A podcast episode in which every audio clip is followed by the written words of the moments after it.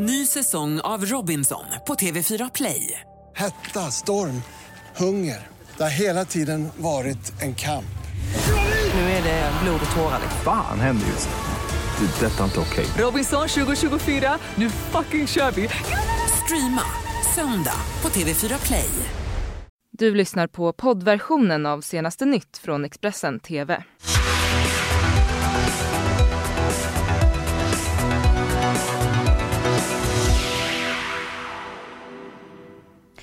God morgon, det är torsdag den 7 november och det här är Expressens rubriker idag. 180 000 resenärer drabbas av flygstrejk i Tyskland. Svensk islamist eh, skulle utvisas men flydde från rättvisan. Nu kan Expressen dock avslöja att den jagade rektorn fört över mångmiljonbelopp till utlandet. Och därför varslar Karolinska 600 tjänster. Nu får de hård kritik. Vi inleder med att en eh, strejk eh, kommer att lamslå flygbolaget Lufthansa de kommande två dagarna. Det var vid midnatt som kabinpersonalstrejken inleddes och det här innebär då att bolagets eh, plan inte kommer att lyfta från flygplatserna i Tyskland. Det här drabbar 180 000 passagerare som kommer att beröras och drabbade passagerare de erbjuds bland annat tågbiljetter som alternativ. Idag så omfattas 700 av Lufthansas 1100 flygningar i världen av strejken och under fredagen så handlar det om 600 flyg. Flygbolaget eh, ska också ha lovat att försöka minimera det här kaoset för alla passagerare som berörs. En svensk eh, islamist eh, som skulle utvisas flydde från rättvisan. Samtidigt anser Säpo och regeringen att han är en risk för eh, rikets säkerhet. Det handlar om imamen Abdel Nasser, Nasser El Nadi, Vetenskapsskolans tidigare rektor. Han frihetsberövades i maj tillsammans med fem andra radikala islamister i samma krets. Men nu har han gått under jorden. Samtidigt så kan Expressen tillsammans med Doku avslöja att El Nadi har fört ut mångmiljonbelopp till konton i utlandet. Expressens och GTs reporter Daniel Olsson berättar här mer om eh, avslöjandet. Abdel Nasser El Nadi han har eh, under ganska lång tid eh, drivit flera bolag eh, där flera av dem är helt finansierade via skattemedel, via skolpeng. Och det vi kan avslöja då tillsammans med Docu är att eh, två olika typer av överföringar. Den ena gäller Eh, överföringar direkt ifrån den skattefinansierade vetenskapsskolan som skedde 2015 och 2017. Då gick det ut totalt vid olika tillfällen 950 000 svenska kronor till eh, bankkonton i Saudiarabien. Eh, vi kan också avslöja att ett av bolagen i Abdel Nasser El Nadis koncern, där det är flera utbildningsbolag som ingår, så sent som i februari förde över 4,2 miljoner kronor till ett konto i Malta. Och det som är intressant här är ju dels de stora beloppen och sen också då att det här är en verksamhet där merparten av hans eh, liksom, verksamhet rör ju skolverksamhet, skolpeng, skattefinansierad skol, skolverksamhet. Det ska nu handla om krisen på Karolinska. Sjukhuset tvingas ju nu varsla 600 tjänster. Det här beskedet kom igår. Det väcker nu skarp kritik. Sjukhusdirektören Björn Swega han förklarade i SVTs Aktuellt igår varför de var tvungna att ta det här beslutet. Nu försöker vi komma vidare och eh, göra detta för vi såg ingen annan väg. Men så de här 600 personerna, har de inte behövt då igen, behövts då egentligen?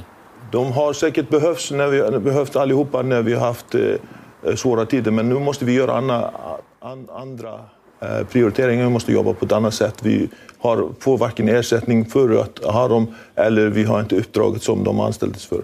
Men jag förstår inte riktigt, för du säger att de har behövts när det var svåra tider. Är det ja. lättare tider nu? Eller hur? Nej, det är kanske inte lättare tider. de i våras till exempel? De behövdes i våras. Alla behövs, men, men nu måste vi jobba annorlunda. Vi måste se till att eh, vi, vårt vårduppdrag som vi har, som har smalnat till och vi får mindre betalt för dem, så, så, så är det ett eh, ohållbar situation som vi har då ekonomiskt och också hur vi ska växa och ha en ständig grund att stå på för framtiden. Passagerarna på kryssningsfärjan Princess Anastasia drabbades av en mardrömstimme igår kväll efter att båten plötsligt gått på grund utanför Lidingö i Stockholm. En av dem som var ombord var Ida Håkansson som här berättar mer om kaoset. Vi märkte det, jag var i min hytt jag och min sambo och då så började lamporna att blinka. Det, så ljuset försvann i några sekunder, sen så kom det igång igen och så höll det på så eh, några gånger tills eh, lamporna helt slocknade. Och eh, då undrade vi lite vad som hände så då gick vi eh, till receptionen och frågade och då sa de att det var ett generatorproblem. Eh, så det var egentligen det vi fick reda på. De sände även ut ett meddelande i eh, högtalarsystemet att de hade tekniska problem och att vi då skulle vända till Stockholm igen. Eh, men det var egentligen det enda som vi fick reda på. Mm. Och vad var, det som, vad var det för tankar som gick genom huvudet när det här inträffade? ja, alla möjliga tankar. Läskigt givetvis. Jag menar, man vill ju inte befinna sig på en färja som, som det finns fel på liksom. Eh, men sen så tänkte vi väl båda att ja, men vi är i alla fall nära land. Det är bättre att det händer precis utanför Stockholm än mitt på Östersjön liksom. Eh, så att det kändes ju väldigt olustigt, säkert med tanke på att alltså, vi inte fick reda på så mycket av vad som hände och så. Och vi såg ju att det var polisbilar och sånt inne i land och då undrade man ju lite men samtidigt så kändes det väl mer som att Ja, alltså lite obehagligt absolut, men man var inte, var inte rädda heller liksom. Och det var ju 18-tiden igår som det här inträffade och båten den var på väg från Stockholm till eh, Finland. Vi går vidare med fler eh, nyheter. För en månad sedan så drabbades 71-åriga Rigel Bernhold från Helsingborg av ett inbrott samtidigt som hon var, befann sig hemma i lägenheten. Nu berättar hon om hur hon ställdes öga mot öga mot, eh, med den knivbeväpnade inbrottstjuven. Jag brukar ligga och titta på TV och så var det tänt i hallen här. För hemtjänsten brukar komma sådär mellan 12 och 2 och så tänkte jag det är ju sjutton också att de inte kan släcka efter sig. Och då gick jag upp och så såg jag att datorn var borta. Och eh, eftersom jag har dörren öppen efter om jag skulle behöva ambulans så eh, ringde jag polisen.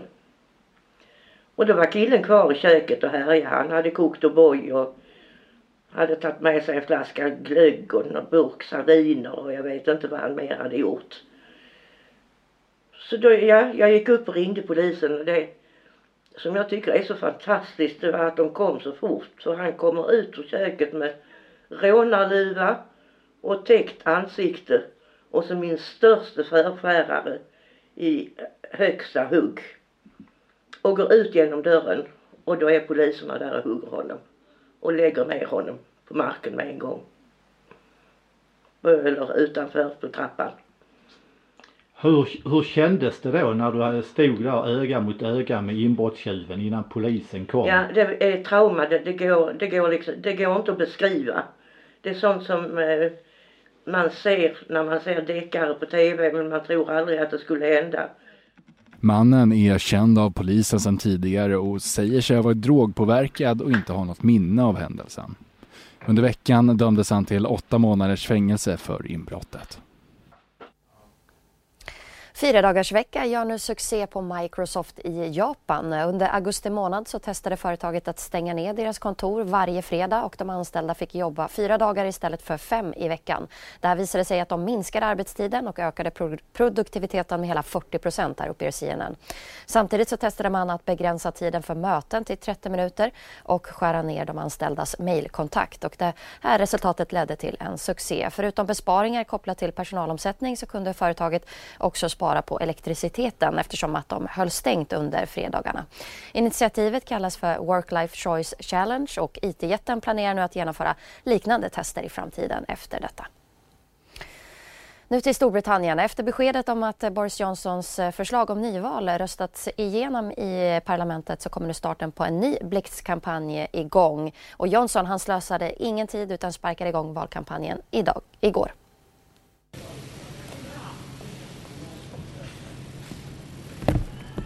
Good afternoon. I've uh, just been to see Her Majesty the Queen earlier on, and she agreed to dissolve Parliament for an election. I want you to know, of course, that I don't want an early election, and no one much wants to have an election in December. But uh, we've got to the stage where we have no choice because our Parliament is paralysed, it's been stuck in a rut for three and a half years, and I'm afraid our MPs are just refusing time and again to deliver Brexit and honour the mandate of the people. I can tell you, I've got to the stage where I've been wanting to chew my own tie in Nu ska det handla om fotboll. I herrallsvenskan så har Kalmar skaffat sig ett fint läge för att få stanna kvar efter segern borta mot Brage i den första kvalomgången. Så kan man säga. Det är väldigt tufft för Brage att vända här. De måste göra tre mål på Guldfågeln Arena. Allt kan hända i fotboll, men det kommer bli väldigt tufft. Så kommer det vara. Eh, här har vi eh, höjdpunkter ifrån det här första kvalmötet. Det är eh, Kalmars Geir André Herrem som gör sitt första mål i Kalmartröjan. Ja, kunde väl inte passa bättre egentligen och eh, snappar upp ett massa hopslag och sätter in det med en tåfjutt i hörnet. Väldigt viktigt mål i just det här läget när det var en ganska jämn fotbollsmatch. Frispark i ett hyfsat bra läge. Viktor Elm ger sig på en liten delikatess. Ja, svårt att få den över, men han gör lite löst ett försök, men det går nästan inte för att den, det är alldeles för tajt där, men ett bra försök absolut. Ett viktigt bortamål hade man med sig från den första halvleken och ett tillkom i den andra genom Nils Fröling som gör sitt sjätte mål för säsongen på ja, det här sättet. Påpassligt, det är ju en framtidsman som är väldigt stark och löper bra i djupled. Fantastiskt fin boll och så borrar han ner den bara i hörnet där så att det där var ju lite game over om man säger och framförallt viktigt för målskyttarna som Viktor Elm sa här med forward som är mål. Det är viktigt. Eh, Kouakou gav lite hopp, lite injektion för Brages del. Lite för lite djupledsspel från Brage skulle jag säga. När man gjorde det då fick man en, en, en tyngd och Kouakou hade en två, tre bra lägen och det där är ett jättefint skott från eh, Hellberg. Hellberg som han gör en kanonräddning på. Så att lite mer djupledsspel hade Kalmar, eller äh, Brage behövt för att eh, när de gjorde det så var de ofta farliga som här också. Men han måste lära sig avsluta på bättre sätt med höger utsida. Kanske till och med träna upp vänster Anna och sätta den med vänster istället. Alltså, ja. ja, det känns som det. För det där var ofta så att man körde höger utsida så blir det oftast på utkanten där. Vänster då kan man ha man lite mer att vinkla in den på. Men lite mer djupledsspel hade Brage behövt för att eh, KK är alltid livsfarlig.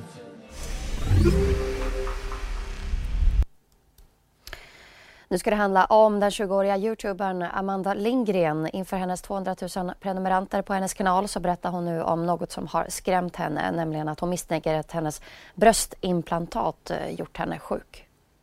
När jag kollar på det så får jag en chock. För att det är exakt så jag känner. Jag tänker bara, men jag har varit lite så småvirrig och det är sån jag är. Jag är lite, vad ska jag säga, glömsk, klantig och klumpig och så här allt det där. Men sen när jag såg videon så blev jag så här, oj, det är ju exakt så jag det tog 11 månader innan youtubern Amanda Lundgren kopplade ihop sin bröstoperation med att hon mådde så dåligt. Kort efter den så blev hon kroniskt trött. Hon fick synrubbningar, ångest, sämre minne och yrsel. Hon trodde att det skulle gå över, men det gjorde det inte. Det var när hon såg en Youtube-video som handlade om Breast Implant Illness, förkortat BII, som hon insåg sambandet. Jag kommer ihåg första timmarna där när jag satt och kollade på den här videon så blev jag ju så frustrerad och rädd. Jag blev ju rädd över mig själv och rädd att oj, implantaten. Men jag var någonstans glad över att jag inombords också att jag har hittat det här. BII är ett förhållandevis nytt begrepp i Sverige men i exempelvis USA där har det debatterats länge. Idag räknas det inte som en sjukdom men många kvinnor har larmat om en mängd olika symptom till följd av de här implantaten. Enligt Birgit Stark, docent i plastikkirurgi, så mår hälften av kvinnorna som tar ut implantaten bättre efter operationen. Men sambandet är inte fastställt och hon påpekar också att den andra halvan inte mår bättre. Amanda Lundgren har bestämt sig. Hon ska ta ut bröstimplantaten i hopp om att må bättre. Och nu vill hon sprida ordet. Och då kände jag att oj, det här är ju mitt perfekta tillfälle att kanske hjälpa andra unga tjejer som faktiskt följer mig, eftersom min målgrupp är verkligen unga tjejer, att de också kanske har det här, eller de som eh, tänkt att de ska operera brösten och lägga de här 50-60 000 på en bröstförstoring, att de kanske tänker efter till en tillgång. Det var allt för nu. Fler nyheter hittar ni alltid på vår sajt Expressen.se. Du har lyssnat på poddversionen av senaste nytt från Expressen TV. Till förordnad ansvarig utgivare är Klas Granström. Ny säsong av Robinson på TV4 Play. Hetta, storm, hunger. Det har hela tiden varit en kamp. Nu är det blod och tårar. Fan händer just det. Det. är Detta är inte okej. Robinson 2024, nu fucking kör vi! Streama söndag på TV4 Play.